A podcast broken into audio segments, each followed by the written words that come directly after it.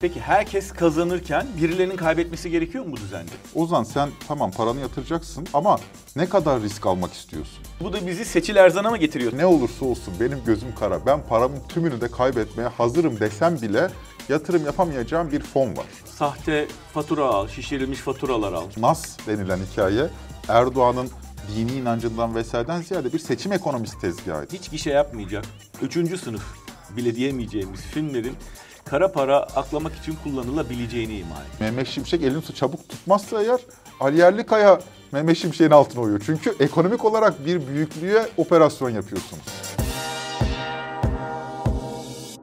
Seçil Erzan'ın başrolünde olduğu Fatih Terim dolandırıcılığı hadisesi gündemimizden bir türlü düşmüyor. Hemen her gün e, bu dosya ile ilgili yeni kanıtlar karşımıza çıkıyor. Kimi gün bir güvenlik kamerası fotoğrafı, kimi gün bir dekont, kimi gün e, bir, bir futbolcularla Erzan arasındaki yazışma, kimi gün Seçil Erzan'ın bir videosu. Dolayısıyla hepimiz konu hakkında yeteri kadar hatta belki yeterinden fazla fikir sahibi olduk. Ama bu resmin tamamına hakim olduğumuz, her şeyi anladığımız anlamına gelmiyor. Zira e, resmin tamamına baktığımız zaman karşımıza bundan çok daha kapsamlı e, ekonomimize dair başka bir resim çıkıyor.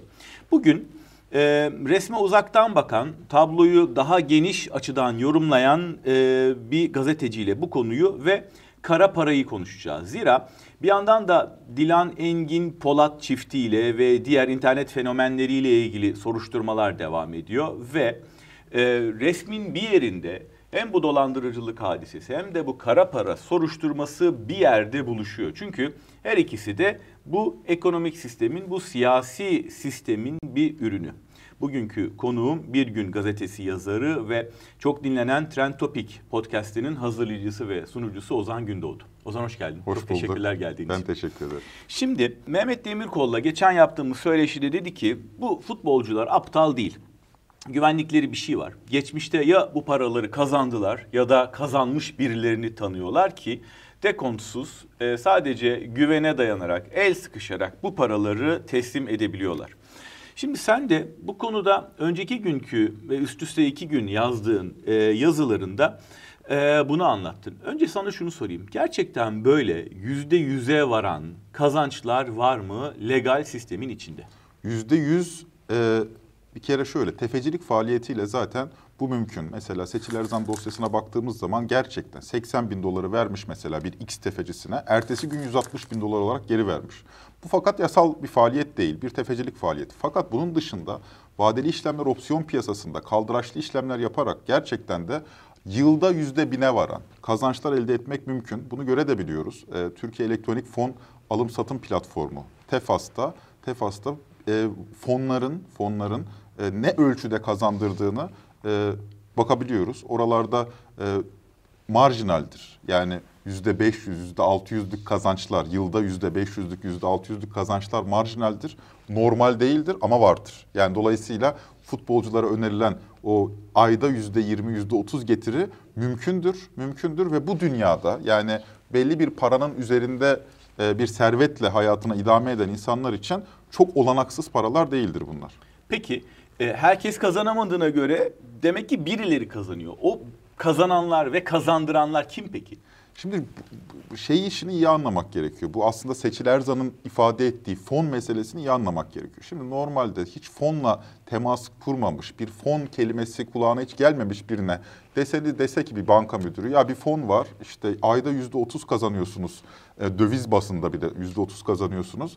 E işte siz bana para verin dese o kişi muhtemelen hiç fon denilen şeyi duymadığı için ya nedir bu fon araştırmaya başlar ve fakat fakat bu dünyada yani milyon dolarlarla e, hayatını idame ettiren insanların dünyasında bu fon işi bu kadar uzak değil. Yani duyulan bir şey, bilinen bir şey.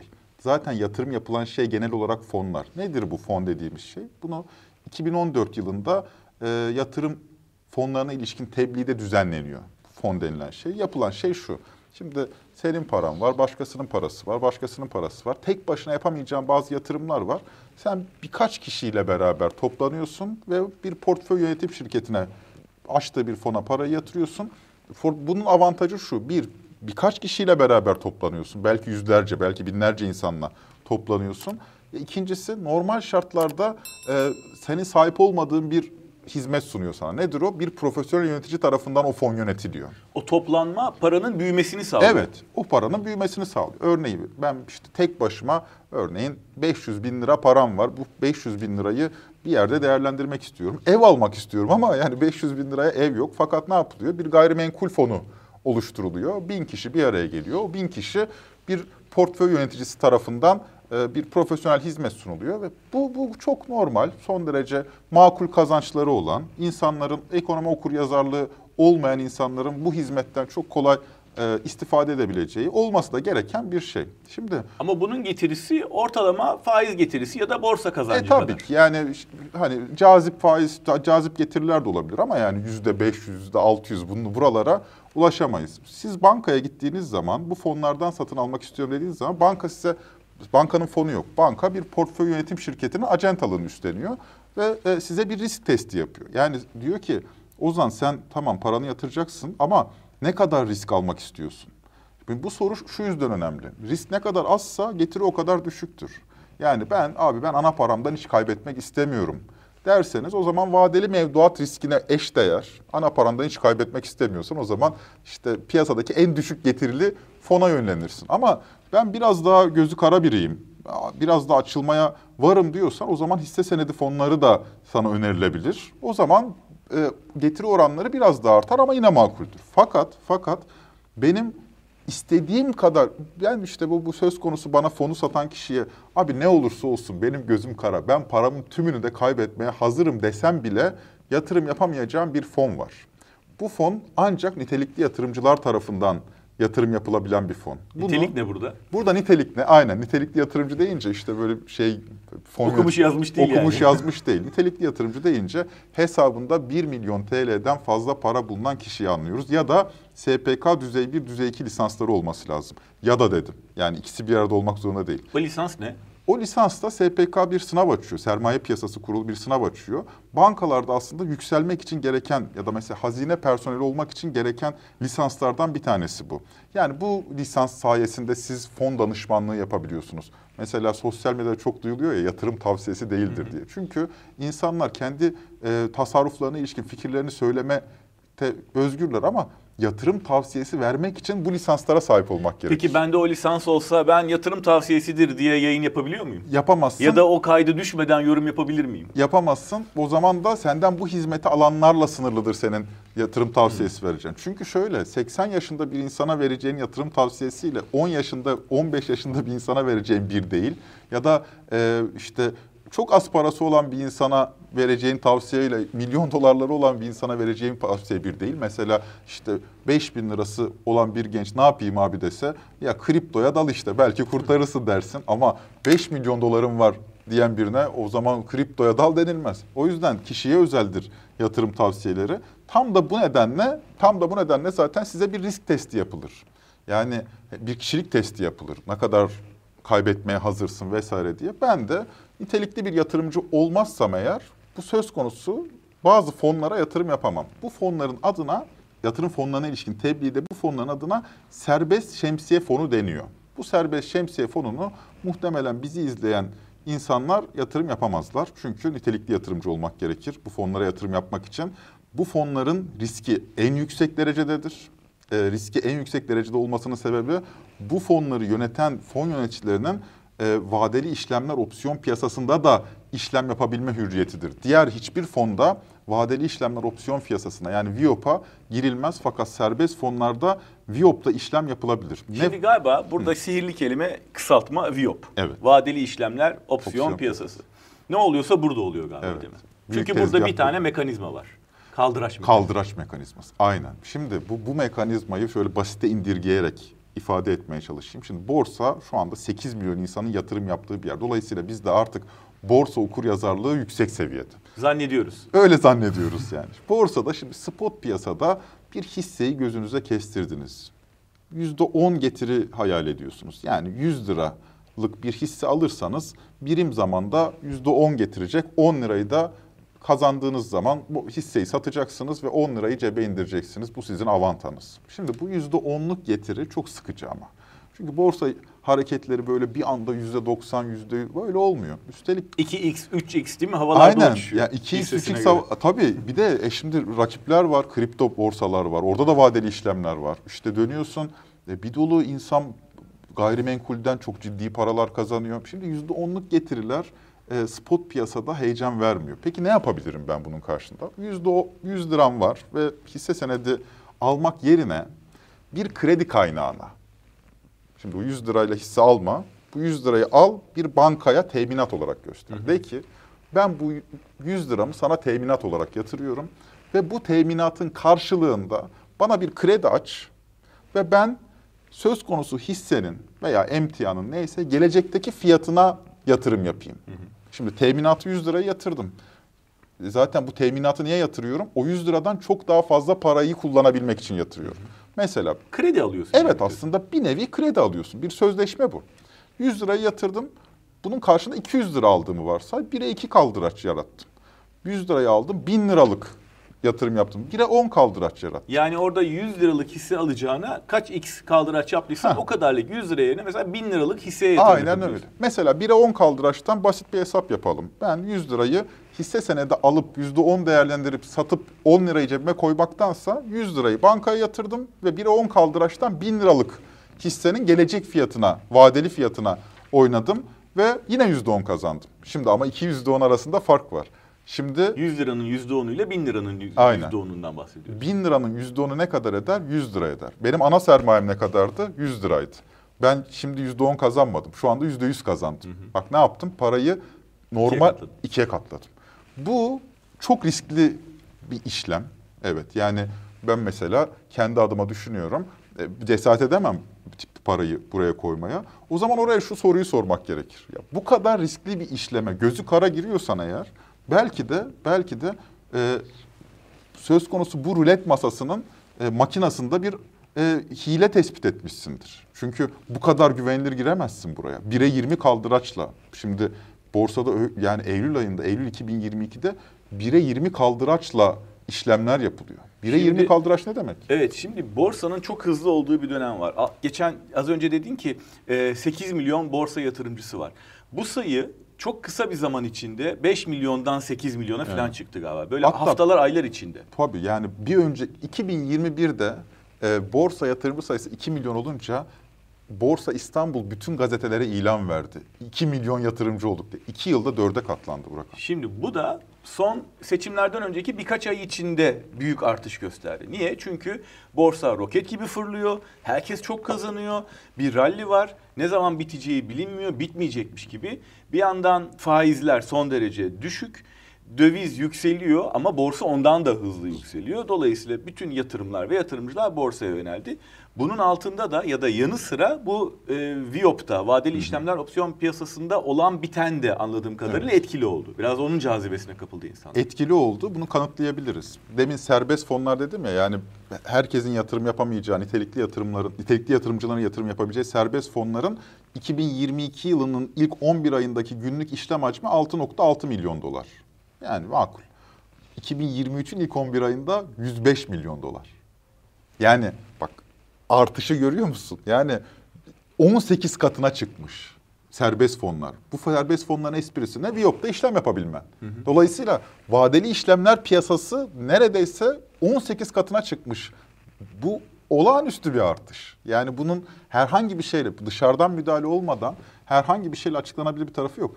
Peki. Niye? İnsanlar faiz çok düşük. Bir- ka- kaçacak para ama pompalanıyor sürekli. Bankacılık mekanizması sürekli piyasaya para pompalanıyor, pompalıyor. Ve para, o pompaladığın parayı bir yerden şey yapman, bir yere akıtman lazım. Aktığı yerde borsa oldu.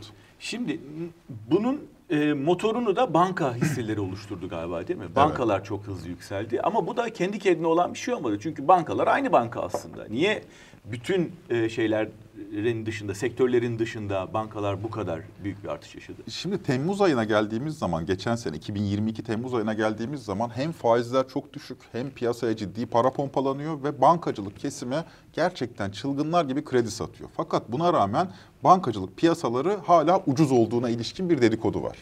Bunun üzerine, bunun üzerine bir sermaye grubu. Türkiye'de manipülasyonlar kanıtlanamıyor maalesef ama herkesin bildiği de manipülasyonlar bunlar. Bir sermaye grubu, iktidar da yakın olduğu bilinen bir sermaye grubu. Borsada Temmuz ayından Eylül ayına kadar Cumhuriyet tarihinin en büyük manipülasyonu diye ifade edenler var. Mesela Cüneyt Akman para analizde bu şekilde ifade etmiş, teknik detaylarını yazmış. Yapılan şudur, yapılan şu. Bankacılık hisseleri toplam borsa sepeti içindeki ağırlığı en yüksek hisseler. Bu hisseleri yükselttiğiniz zaman otomatik olarak bütün borsa ana endeksi de yükselmeye başlar. Temmuz ayından Eylül ayına kadar bankacılık hisseleri yüzde 150 arttı. %150'lik bu artış borsa ana endeksini %50 arttırdı. Bunlar spot piyasadaki artışlar. Şimdi sen onu 1'e 20 kaldıraçla, 1'e 10 kaldıraçla elde edilen karı düşün. Yapılan şuydu. Bankacılık kesimi, özel ve kamu. ikisi birden. Bankacılık kesimi e, söz, söz konusu teminatları alıyorlar. İşte vadeli işlem opsiyon piyasasına demin bahsettim ya teminat yatırıyor. Bankacılık kesimi teminatı alıyor. Teminatı aldıktan sonra 1'e 10 kaldıraçla, 1'e 20 kaldıraçla piyasaya para pompalıyor. Piyasaya pompalanan parayla ne alınıyor? Bankacılık hisseleri alınıyor. Bankacılık hisseleri yükselmeye başladı. Bu esnada hem spottan topluyorlar bankacılık hisselerini sonra dönüyor bu hissenin gelecekteki fiyatına Viop'ta işlem giriyor. Şimdi hem spottan Yükseltiyorsun. yükseltiyorsun hem de e, bu yükseltmeye de oynuyorsun. Yani bu, bu hisse yükselecek diye de vadeli de bahis oynuyorsun diyelim. Aslında tezgah kurulmuş. Yani hem spottan yüzde on kazancını alıyorsun örneğin hem de kaldıraçlı işlemlerden yüzde o yüzde ne kadar kaldıraçlı oynuyorsan onun payını alıyorsun. Ve buradaki e, manipülasyon şu yani problemli olan şu teminat göstermen lazım sonuçta ve bankaya. Her yükselişte yükselttiğin hisseyi de teminat olarak gösteriyorsun. Hı hı. Ya bu inanılmaz bir çark. Yani hem hisseyi bilerek şişiriyorsun, sonra o şişirdiğin hisseyi teminat gösterip bankadan kredi çekiyorsun, yine şişiriyorsun, yine teminat gösteriyorsun, teminatlar yükseliyor, aldığın para yükseliyor, aldığın para yükseldikçe daha hızlı artıyor ve günün sonunda şöyle bir dedikodu ortaya çıkmaya başladı. Ağustos ayının sonu itibariyle. Bu nereye kadar gidecek? Yani bu böyle tatlı para mı olur? Her şey gerçek olamayacak kadar güzel Ağustos ayının sonu itibariyle. Ve bu özel bankalarında canını sıkıyor. Çünkü manipülatif bir harekete teminat vermek, teminat olarak kabul edip kredi açmak zorunda kalıyor özel bankalar. Belli ki kamu bankaları tezgahın içinde. Yani oradan hiçbir şey çıkmıyor. Ama özel bankalarda bir rahatsızlık olduğu konuşulmaya başlanıyor.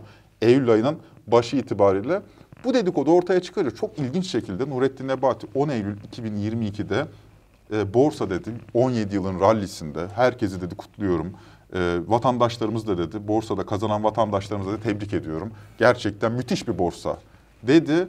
E, bu dedikodular devam ederken şimdi bu hikayeyi bilen vatandaş, borsanın içindeki vatandaş Nurettin Nebati'nin bu açıklamasını yorumlamaya kalktı tabii yani. Yani bu dedikodular yalandır anlamına geldi Nurettin Nebati'nin şeyi. Ve bu ralli devam edecek e, anlamına geldi birçok insan için. E, ama bir yandan da tedirginlik var. Çünkü ya bir şeyin değeri bu şekilde arttırılabilir mi? İşin içinde olan herkesin bildiği şey bu bu arada. Nitekim 13 Eylül'de bu söz konusu dedikoduya e, bir panik havası ekleyecek bir satış işlemi geldi. E, bir bankanın en çok işlem gören bankalardan birinin emekli sandığı 150 milyon liralık hisse sattı. O satış bir anda domino taşları domino taş herkes küçük yatırımcıların hepsi e, mesajı aldı tamam dediler. Ganimet artık bitti ziyafet sona erdi artık kaçalım. O gün 13 Eylül günü bankacılık hisseleri %7,5 değer kaybetti. Şimdi problem şu. Bu tezgahı planlayanlar onu göremediler. Yani bir bankanın bir bankanın kontrol dışı şekilde e, piyasayı domine edecek şekilde hisse satması. Ama o olmasa başka bir şey olacaktı illa, illa ki değil olacak. mi? İlla biri toplu bir hisse satış yapacaktı. İlla bir şey olacak. olacaktı. Yani piyasayı ürküten bir şey olacaktı. Tabii. Peki. Bu kadar herkes, sert olacağı da tahmin edilemedi ya da. Şimdi peki herkes kazanırken birilerinin kaybetmesi gerekiyor mu bu düzende? E, tabii ki. Kim yani, kaybetti?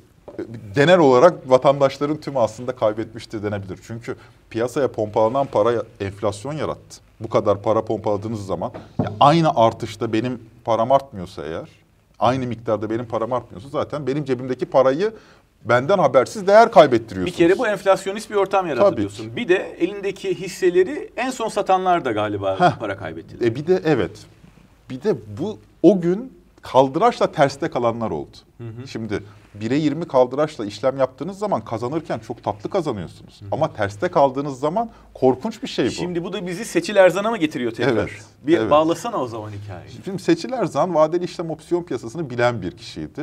Fon piyasasını da bilen bir kişiydi. Aslında topladığı fonların çok büyük çoğunluğu serbest fonlardı. Serbest fonlar yasaldır yani yasa dışı değil.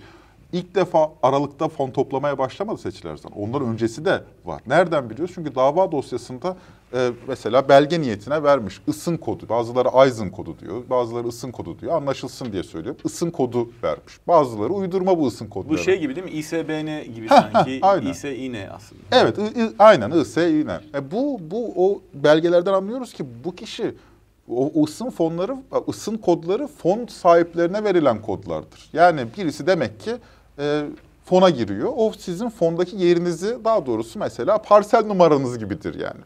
O şeydi. Şimdi seçiler zam zaten bu ısın kodlarını ısın kodlu belgeler veriyor zaten. Zaten daha önce demek ki zaten bu fon işi son derece popüler bir iş. Bu fon işini zaten yapmış daha önce. O yüzden e, ya şey olunca e, bende fon var bakın gelin denilince müşteri bulması da kolay olmuş. Çünkü zaten 2012'den bu yana bu işlemleri yapan bir kişi kendisi ve e, şunu da söylemek gerekir. 2012'den 7 Nisan 2023'e kadar. Yani, o şey diyor ya 1 milyon liralık hisse aldım 2011'de kaybettim falan dediği aslında böyle bir işlem sonucunda muhtemelen. 2011'de değil. 2011'de kaybettiği o Hatek hissesi o başka bir hisse. Yani o da ba- başka bir şey. Zaten vadeli işlem opsiyon piyasası daha sonra 2014'te kuruluyor. kurulmuş. Yani, iki- yani şeyde e, 2022-2023'te iş kontrolden çıkıyor Seçil Erzan için. E, bunu şuradan anlıyoruz. Yani daha önce 2012'den 2022'ye kadar hakkında bir şikayet yok. Yani hakkında bir şikayet yok derken polise şikayet yok demiyorum. Polise zaten yok. CİMER'e de yok. Deniz Banka'da yok, BDDK'ya da yok. Yani bir müşteri veya bir çalışan veya Seçil Erzan tarafından borç takılan bir kişi ya bir tane mi yazmaz? Ya CİMER'e mi yazmaz? Ya bana borç taktı bu kadın demez mi? Demek ki öyle tahmin ediyorum. Demek ki aslında 2012'den 2022 23'ün 7 Nisan'ına kadar işler bir şekilde yolunda gitmiş Seçil Erzan için. Zaten Seçil Erzan'ın bu tarihe kadar 2022 aralığa kadar sattığı fonların hepsi gerçek fonlar. Ve insanlar da güzel para kazanmışlar. O noktada Seçil Erzan'ın duruşmada söylediği ifade doğru bir ifade. Kazanırken seçildim, kaybeder kaybedince dolandırıcı oldum diyor. Bu e, çok muhtemel, çok muhtemel. Delilleri de var ama bizzat Seçil Erzan'ın ağzından duymadığım için çok muhtemel diyorum ama benim iman ettiğim, doğru, inandığım şey o. Eylül ayında terste kaldı. Eylül ayında kaldıraçlı işlemlerde söz konusu manipülasyon, borsa manipülasyonu sürerken Eylül ayında terste kalıyor. Nereden anlıyoruz Eylül ayında terste kaldığını? Şimdi siz bir teminat yatırıyorsunuz 100 lira diyelim ki. Kaldıraçlı işlemle terste kaldığın zaman bazen zarar o kadar büyük olur ki teminatın batar bir de üzerine Ha, borçlanırsın. şimdi onu soracağım. Ee, kaç e, kaldıraç, e, kaç x kaldıraç yaptığınla orantılı olarak mı teminatın ve borcun artıyor? Tabii ki. Şimdi sen diyorsun ki bankacılık hissesi bugün artacak. 13 Eylül gününe böyle bir işlem giriyorsun. İşlem bir borsa bir açılıyor. büyük bir şelale. Yani bu kocaman bir mum aşağı doğru iniyor. Yüzde yedi buçuk düşmüş.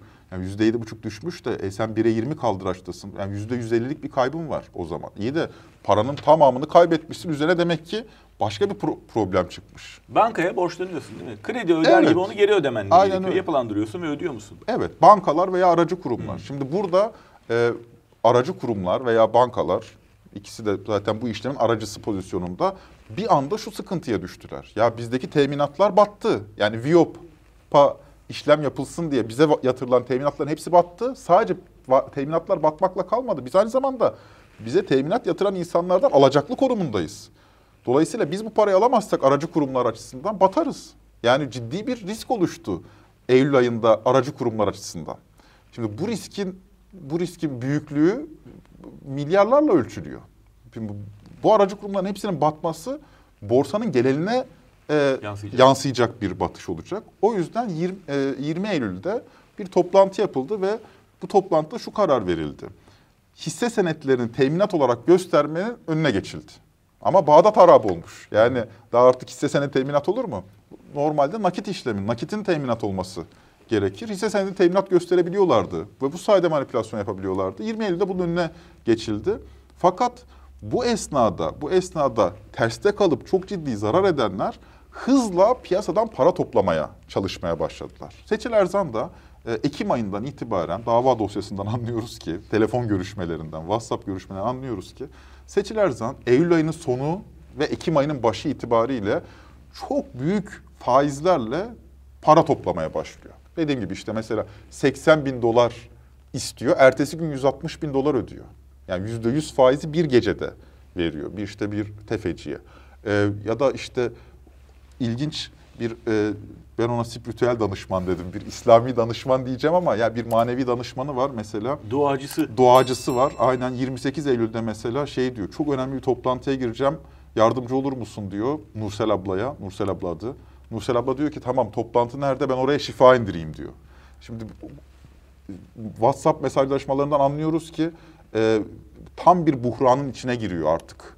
O zaman Kasım bu ayı gibi, Aralık bir ayı gibi. dolandırıcılık girişimi olarak başlamış bir şey değil. Bu bir batma Evet. tablosu. Evet. Dolandırıcıların bir kısmı ama battıktan sonra ya iki şekilde dolandırıcılık yaparsınız. Ya çok zengin olmak için ya hayatta kalmak için. Şimdi çok zengin olmak için mi yapmış?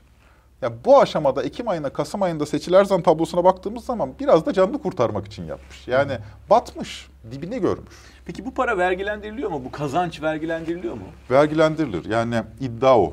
Vergilendirildiği iddia ediliyor. Şöyle bu, bu fonun içinde hangi şirketler var? Atıyorum hisseler var ya bu fonun içinde. Bu hisselerin sahipleri olan e, şirketler vergi ödüyor. İşte bakın vergilendiriliyor deniyor. Çok dolaylı bir vergi. Çok ama. dolaylı bir vergi. Yani Yoksa- mesela bu örnekte Seçil Erzan gerçekten para kazandıracak olsa ya da geçmişte kazandırdığı paralar karşılığında özellikle de elde dekont, e, resmi bir işlem yokken bunların e, üzerinden kazançlar üzerinden bir vergi ödenmeyeceğini biliyoruz. Evet. Yani işte hani Tabii. bir ver, iki al, iki ver, dört al. E, bu Tabii, tabii. Peki bu kara paraya giriyor mu?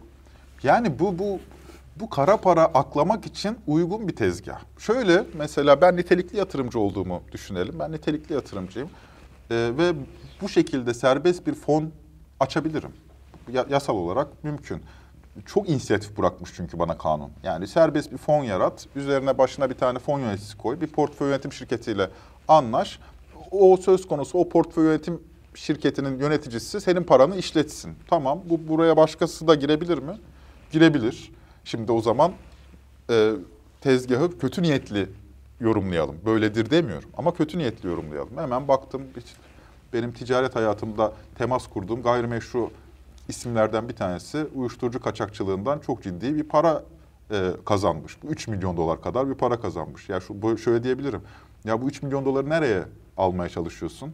E, Ben de adam da diyor ki ben de işte bu parayı sisteme sokacak yer arıyorum. E, Çünkü fo- normalde ne yapılır? Hemen o yöntemleri de sayalım. Nakit parayla gayrimenkul alırsın. Aynen. Ondan tabii. sonra eee, başka ne yaparsın? Sanat eseri alırsın. Sanat eseri alınabilir. Lüks e, tüketime gidebilir. Kripto paralara gidebilir. Çünkü orada e, soğuk cüzdanlarda bu paraları saklamak kolay. Becerebilirsen bu işlerin denetil, denetlenmediği offshore He, bankacılık aynen. sistemine sokabilirsin. Tabii yani bu Man Adası'na gidersin, Cayman Adası'na gidersin, Malta'ya gidersin veya e, smurfing yöntemi deniyor. Böyle bu parayı parçalara böl e, ve binlerce banka hesabı aracılığıyla sisteme sok. Sahte fatura al, şişirilmiş faturalar al. Heh, mesela aynen yani üç kazanan mesela bu Dilan Polat örneğinde mesela güzellik merkezleri o kadar fazla kazanıyor ki.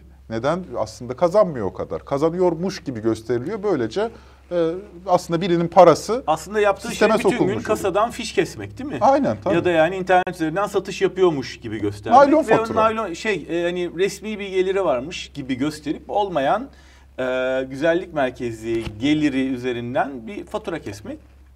Kara parayı da vergilendirerek sisteme sokmak. Evet. Şimdi burada bu serbest fonlarda söz konusu ya da bu fon tezgahında buna müsait bir ortam var. Çünkü buna müsait ortam olduğunu nereden anlıyoruz? Masak raporunda da aslında kara para incelenmiş. Yani burada kara para var mı yok mu vesaire diye doğrudan bir hüküm kurulmamış. Mahkemeye bakın burada kara para var denmemiş ama yok da denmemiş. Bu işlem e, bu işlemlerin hepsi kara paranın aklanması için şüpheli işlemler. Çünkü ne yapıyorsunuz siz? Demin anlattığım şekilde abi dışa sistemin içinde olmayan milyonlarca dolar parayı birine teslim ediyorsunuz ve o kişi de bu parayı bir fona yatıracağını söylüyor. E bu demek ki bu mümkün. Mesela işte demin anlattığım şekilde ben bir fon sahibiyim. Yanımdaki iş insanı da işte uyuşturucudan para kazandı 3 milyon dolar. Ne yapacaksın dedim. E ne yapacağım ben de düşünüyorum dedi işte demin saydığımız yöntemleri düşünüyor. Ve tamam sen bana biraz komisyon karşılığında gel benim fonuma dahil ol diyebilirim. Bunun ne kadar kuvvetli denetlendiği soru işareti. Dediğim gibi geçen sene 6,5 milyon dolar olan günlük işlem hacmi 100 milyon doların üzerine çıkıyor bu sene. Yani 18 katına çıkmış. Bu kadar ilgi, bu kadar ilgi evet biraz faizlerin düşük olmasıyla ilgilidir. Ama sadece bununla açıklanabilecek kadar e, şey değil bana kalırsa. Bir miktar burada suç sektörünün de e, kolay parasını kolay saklayabildiği bir mekanizma yaratılmış. Şimdi bütün bunların aslında daha büyük bir sebebi var. O da e, ekonomiyi canlı, hareketli tutma e, ve işte kuru kontrol altında tutma ve bu nas söylemine sığınarak e, faizleri baskılama girişimi. Yani e, işte borsada bunun eseri. Varlık barışı ilan edip kaynağını sormayacağız diye Türkiye'ye paraları çekme de bunun girişimi. Ee, çok üzerine konuştuğumuz şimdi son zamanlardaki operasyonlarla bir kez daha gündeme gelen e, uyuşturucu baronlarına, suç örgütlerinin liderlerine vatandaşlık vermek ya da oturma izni vermek, onlara burada alan açmak da belki bir anlamda bunun ürünü öyle değil mi? E tabii. Ee, şey için burada hepimizin hepimizin neredeyse e, aldatıldığımız, daha doğrusu aldatılma demeyeyim de yanlış kavradığımız bir vak- vaka bu NAS vakası. Yani e, ben piyasada böyle ga- gazetecilerle de konuştuğum zaman kendimce benim anladığımı anlattığım zaman onlar da inanmak istemediler. Halbuki bu NAS denilen hikaye e, Erdoğan'ın dini inancından vesaireden ziyade bir seçim ekonomisi tezgahıydı. Ya ben diyorum ki kardeşim bu faizlerin düşük olması bir seçim ekonomisi. E, buna- ama böyle saçmalık mı olur diyorlardı insanlar. Ya böyle saçmalık mı olur? Faizi düşürerek, enflasyonu azdırarak, doları patlatarak seçim ekonomisi mi olur? Bir yol ayrımıydı bu. Covid'den sonra, pandemiden sonra bir yol ayrımıydı. Ya Türkiye ekonomisi soğumaya teslim edilecekti. Bugün yapılan, o gün yapılacak ve soğumaya teslim edilecek ve büyümeden vazgeçilerek işsizlik oranları yükseltilecekti. Ya da tam tersi yapılacaktı. Tam tersi. Bu hikayeden biz büyüyerek çıkmalıyız. Fakat bu hikayede büyümek demek ciddi bir enflasyon demektir. İşsizliği e, düşürecek bir iş bu ama ciddi anlamda enflasyon demektir. Nurettin Nebati'nin açıklamalarında da var bu. Yani bir yol ayrımındaydık ve biz bu yolu tercih ettik. Çünkü 2019 yerel seçimlerinde işsizliğin yarattığı siyasi sonuçları anladılar. 2019 yerel seçimi 31 Mart 2019'da yapılan yerel seçime %15 işsizlikle gidildi. Cumhuriyet tarihi rekor işsizliğiyle gidildi. İşsizliğin bu tip yönetimlerde işsizliğin oy kaybı olduğunu iktidar çok iyi biliyor. Dolayısıyla aman işsizlik olmasın. Aman piyasa hareketli olsun. Vatandaş istediği zaman bankadan para bulabilsin. Ama aynı anda da dövizde sabit tutulabilsin. Nasıl yapacaksınız bunu? Bu ekonominin çarkları açısından şöyle mümkün. Kısa süreliğine mümkün. Ne yaparsınız? Cebinizde biraz para vardır, rezervleri. Rezervler aracılığıyla piyasaya para pompalarsınız, döviz pompalarsınız. Böylece artan döviz talebini rezervlerinizden karşılarsınız. Döviz hiç yükselmiyormuş gibi görünür. Ama bu bir esnada da e, diğer tasarruf sahiplerinin de susması lazım. Yani döviz almaması lazım. Onlara da ne vaat edeceksiniz? İşte fonları vaat ediyorsunuz onlara da. Yani faiz e, getiriler, borsada bir rally vaat ediyorsunuz veya kur korumalı mevduat vaat ediyorsunuz. Kur korumalı mevduat ve borsa rallileri aslında büyük tasarruf sahiplerinin yani ceplerinde birkaç milyar lirası olabilen insanların döviz talebini kısılması, döviz talep etmemesi için, e, dövize akmamaları için aslında bir tür teşvikti. Yani borsada ve KKM'de siz durun, e, bankacılık ara, bankalar aracılığıyla da bu tavsiye edildi insanlara e, ve insanlar burada durdular. Hatta ilginç bu serbest fonların işlem hacminin en yüksek olduğu son e, 7 yıldır en yüksek olduğu hafta hangisi biliyor musun? 8-15 Mayıs haftası. Seçimden hemen önceki hafta. Patlamış. 160 milyon dolarlık günlük işlem hacmi var. Çünkü asla istemeyeceğiniz şey ne sizin o hafta? Dövizin yukarı çıkması. Ve herkesin de ciddi piyasa durmuş. Herkesin bir döviz talebi var. Yani tedirgin hissediyor insanlar. Bunun patlayacağını anlayan insanlar bunlar. Tamam Yani böyle sadece televizyondan fark etmiyorlar. Piyasanın içindeler. Bunun patlayacağını anlayan insanlar bunlar. Ve bu insanlara sizin bir şey vermeniz lazım. Yani ya bir şey ver işte fonları veriyorlar. Şu kara para hadisesine bir kısaca geri dönmek istiyorum. Ee, nerelerde nasıl aklanıyor diye konuştuk ya az önce. Güzellik salonu örneğini de verdik. Geçen gün sinema yazarı Şenay Aydemir bir tweet attı. Ve dedi ki hiç gişe yapmayacak, üçüncü sınıf bile diyemeyeceğimiz filmlerin kara para aklamak için kullanılabileceğini ima etti. Dedi ki bu yıl şimdiye kadar vizyona giren 127 yerli yapımdan 88'i 20 binin altında. 68'i 10 binin altında, 16'sı binin altında seyirci toplamış. Bunların %95'i de gişe filmi olsun diye yapılmış filmler. Batması kesin projelere milyonlar nereden akıyor? Bu paraların izi sürülse de kaynağındaki akla kara ortaya çıksa demiş. Böyle baktığın zaman hakikaten elindeki malın ne olduğunu bilirsin. Ne kadar gişe yapacağını da tahmin edersin. Bu sonuçta hani bir, bir sektör burası ve hani Rus ruleti gibi film yapmazsın yani. Dolayısıyla bu açıklama da biraz e, ya da e, iddia da biraz akla yat, yatkın duruyor. Akla yatkın yani tutarlı bir hikaye. Şeyde çıktı işte bu bir spor kulübünün yani bomboş e, stadı aslında doluymuş gibi gösterip 30-40 bin liraya bilet satmış gibi gösterip bir meşru gelir elde etmiş gibi işte bir şekilde böyle para akladı ortaya çıktı. İşte sevgili Murat Arel konuya ilişkin yazdı. Aynı tezgah sinemada neden olmasın? Ama anlamamız gereken şey şu. Şimdi suç buna kara para nedir? Kara para suç işleyerek elde edilen gelirdir. Bir de bir suç var. Kara parayı aklama. Bir de söz konusu bu suçtan elde edilen geliri sisteme sokmak için işlenen suça da kara parayı aklama deniyor. Tüm bu tezgah, tüm bu tezgah da bir sektörün adı suç sektörü, suç ekonomisi.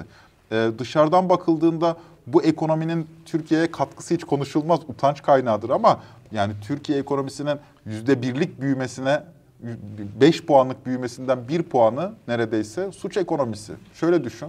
Comanchero çetesi bundan iki hafta önce çökertildi. Ya adamın kasasında 4 milyar lira çıktı.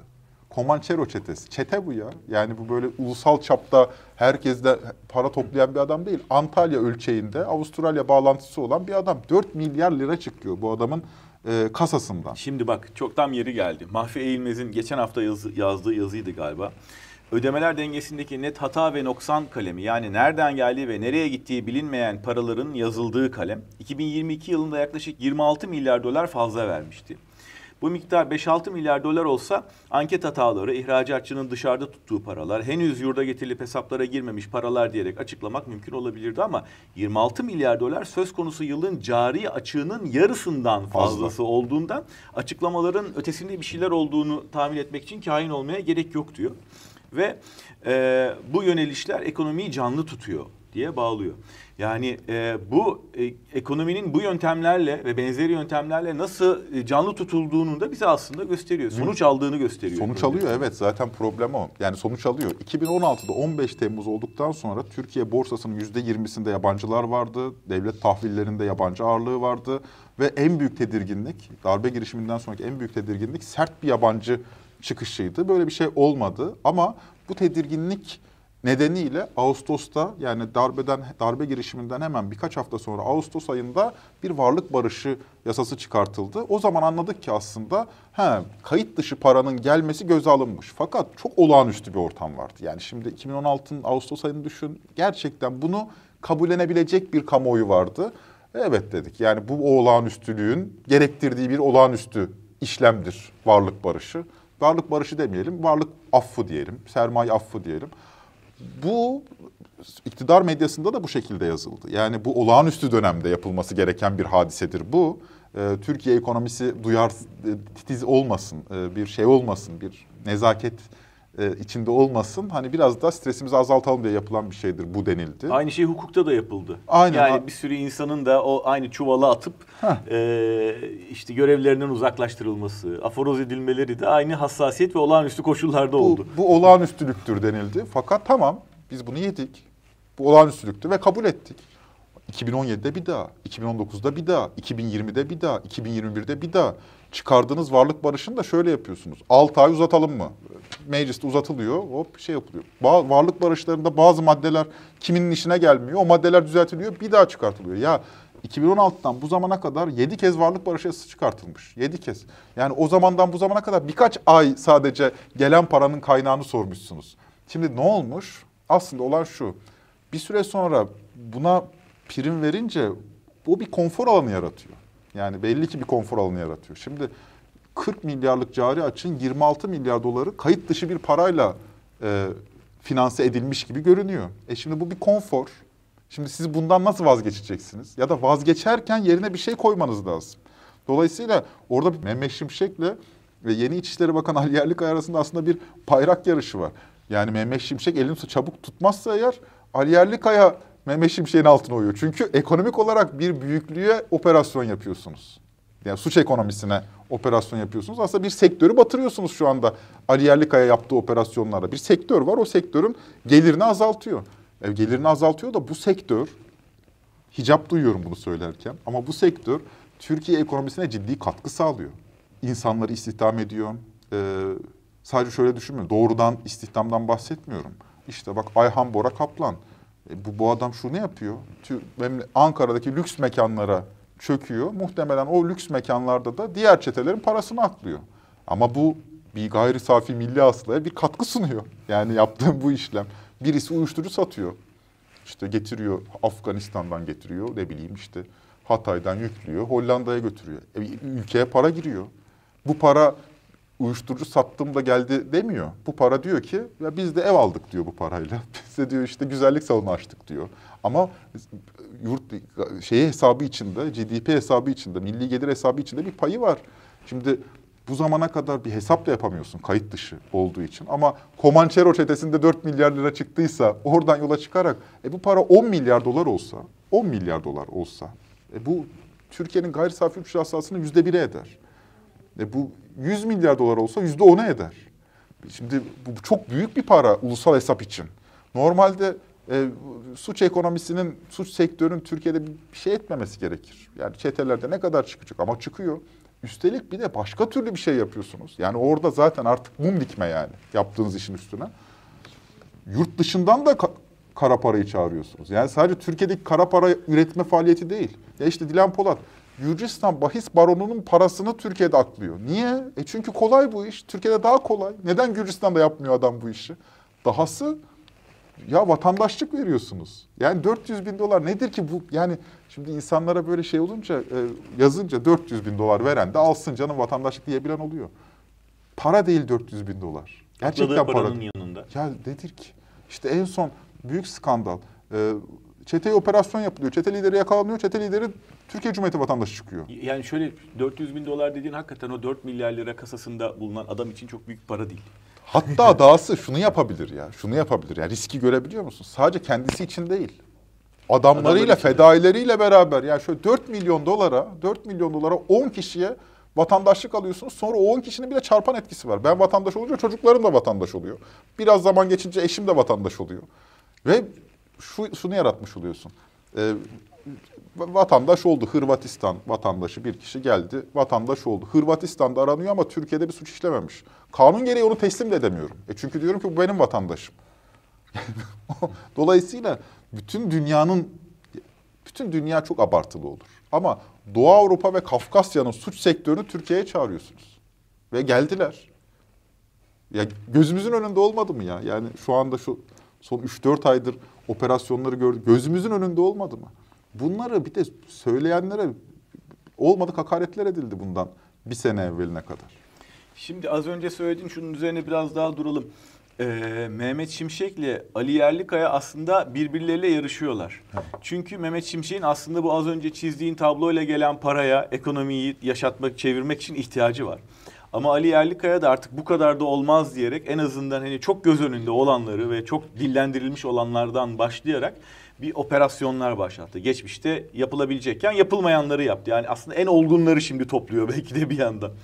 Ee, dolayısıyla e, birbirlerinin ayağına basıyorlar. Daha doğrusu Ali Yerlikaya Mehmet Şimşek'in ayağına basıyor. Gerçi Şimşek'in derken ekonominin ayağına basıyor. Mehmet Şimşek'in çünkü yani biz bu kara para işini bitireceğiz. Gri listeden çıkacağız diye bir iddiası var. Geçen gün yine söyledi. Gri liste ne? Ee, işte bu şeyle kara parayla mücadele eden e, mali çalışma grubunun e, Türkiye'yi iki sene önce Ekim ayında soktuğu liste. Kim var burada? Ee, Sudan var e, galiba. Ee, başka ne, bir, bir, bir iki ülke, iki üç ülke daha var. Yani kurumsal bir Suriye, ekonomiye sahip Arnavutluk, olmayan. Suriye, Sudan, Yemen var. Bir de biz varız. Ondan sonra ve dedi ki e, bir şey kaldı, yasal düzenleme kaldı. Kriptolarla ilgili yasayı da hazırlayınca bizim bu listeden çıkmamız gerekir. Gri listeden çıkmamız gerekir. O iddiası yani ona karar verecek olan FATF. Yani bu kara para ve terörle finansmanı önleme komisyonu e, çıkabilir Türkiye. Gerçekten utanç verici bir şey. Türkiye dünyanın en büyük 20. ekonomisi. Böyle bir ekonominin gri listede olması dünya adına da tedirginlik verici. Çünkü Türkiye bu ekonominin yani dün, küresel ekonominin önemli bir parçası. E, e, lojistik hizmetleri satın alınıyor buradan. Bu hizmetler satın alırken e, batılı firmalar tedirgin hissediyorlar kendilerini. Şimdi ben söz konusu Türkiye'de tanımadığım bir işletmeyle temas kuruyorum. Fakat bu işletmenin yarın ne olacağı şüpheli. Dolayısıyla ben de e, buradayla işlem yaparken, burayla ticaret yaparken biraz daha temkinli olmalıyım gibi bir yaklaşım sergiliyor. Sen orada gri listede olduğun sürece. Dolayısıyla Mehmet Şimşek hem gri listeden çıkma taahhüdünü hem de yurt dışından para bulma taahhüdünü gerçekleştiremezse o zaman e, 2016'dan 2023'e kadar süren düzeneğin devam etmesini beklemek son derece akılcı. Çünkü 2016'dan 2023'e kadar kayıt dışı bir e, ekonomik model işletildi. Rakamlar da bunu teyit ediyor. E o zaman şunu söylemek hani biraz şey olur tabii afaki olur ama e, söylemek de mümkün. E, Mehmet Şimşek para bulamazsa Ali Yerlikaya'nın işine son verilir. Çünkü bir süre sonra e, bu sektöre geri dönülmesi gerekir. O zaman çok teşekkür ederim. Ben teşekkür ederim. Çok hakikaten net bir şekilde adım adım anlattın bize tabloyu ve e, nasıl bu bankacılık skandalı aslında sistemin bir ürünü ve nasıl başka bir yerde ilerliyor gibi görünen kara para e, operasyonlarıyla aslında bir yerde buluşuyor, el ele tutuşuyor. Çok net anlamış olduk sayende. Çok teşekkürler. Ben teşekkür ederim.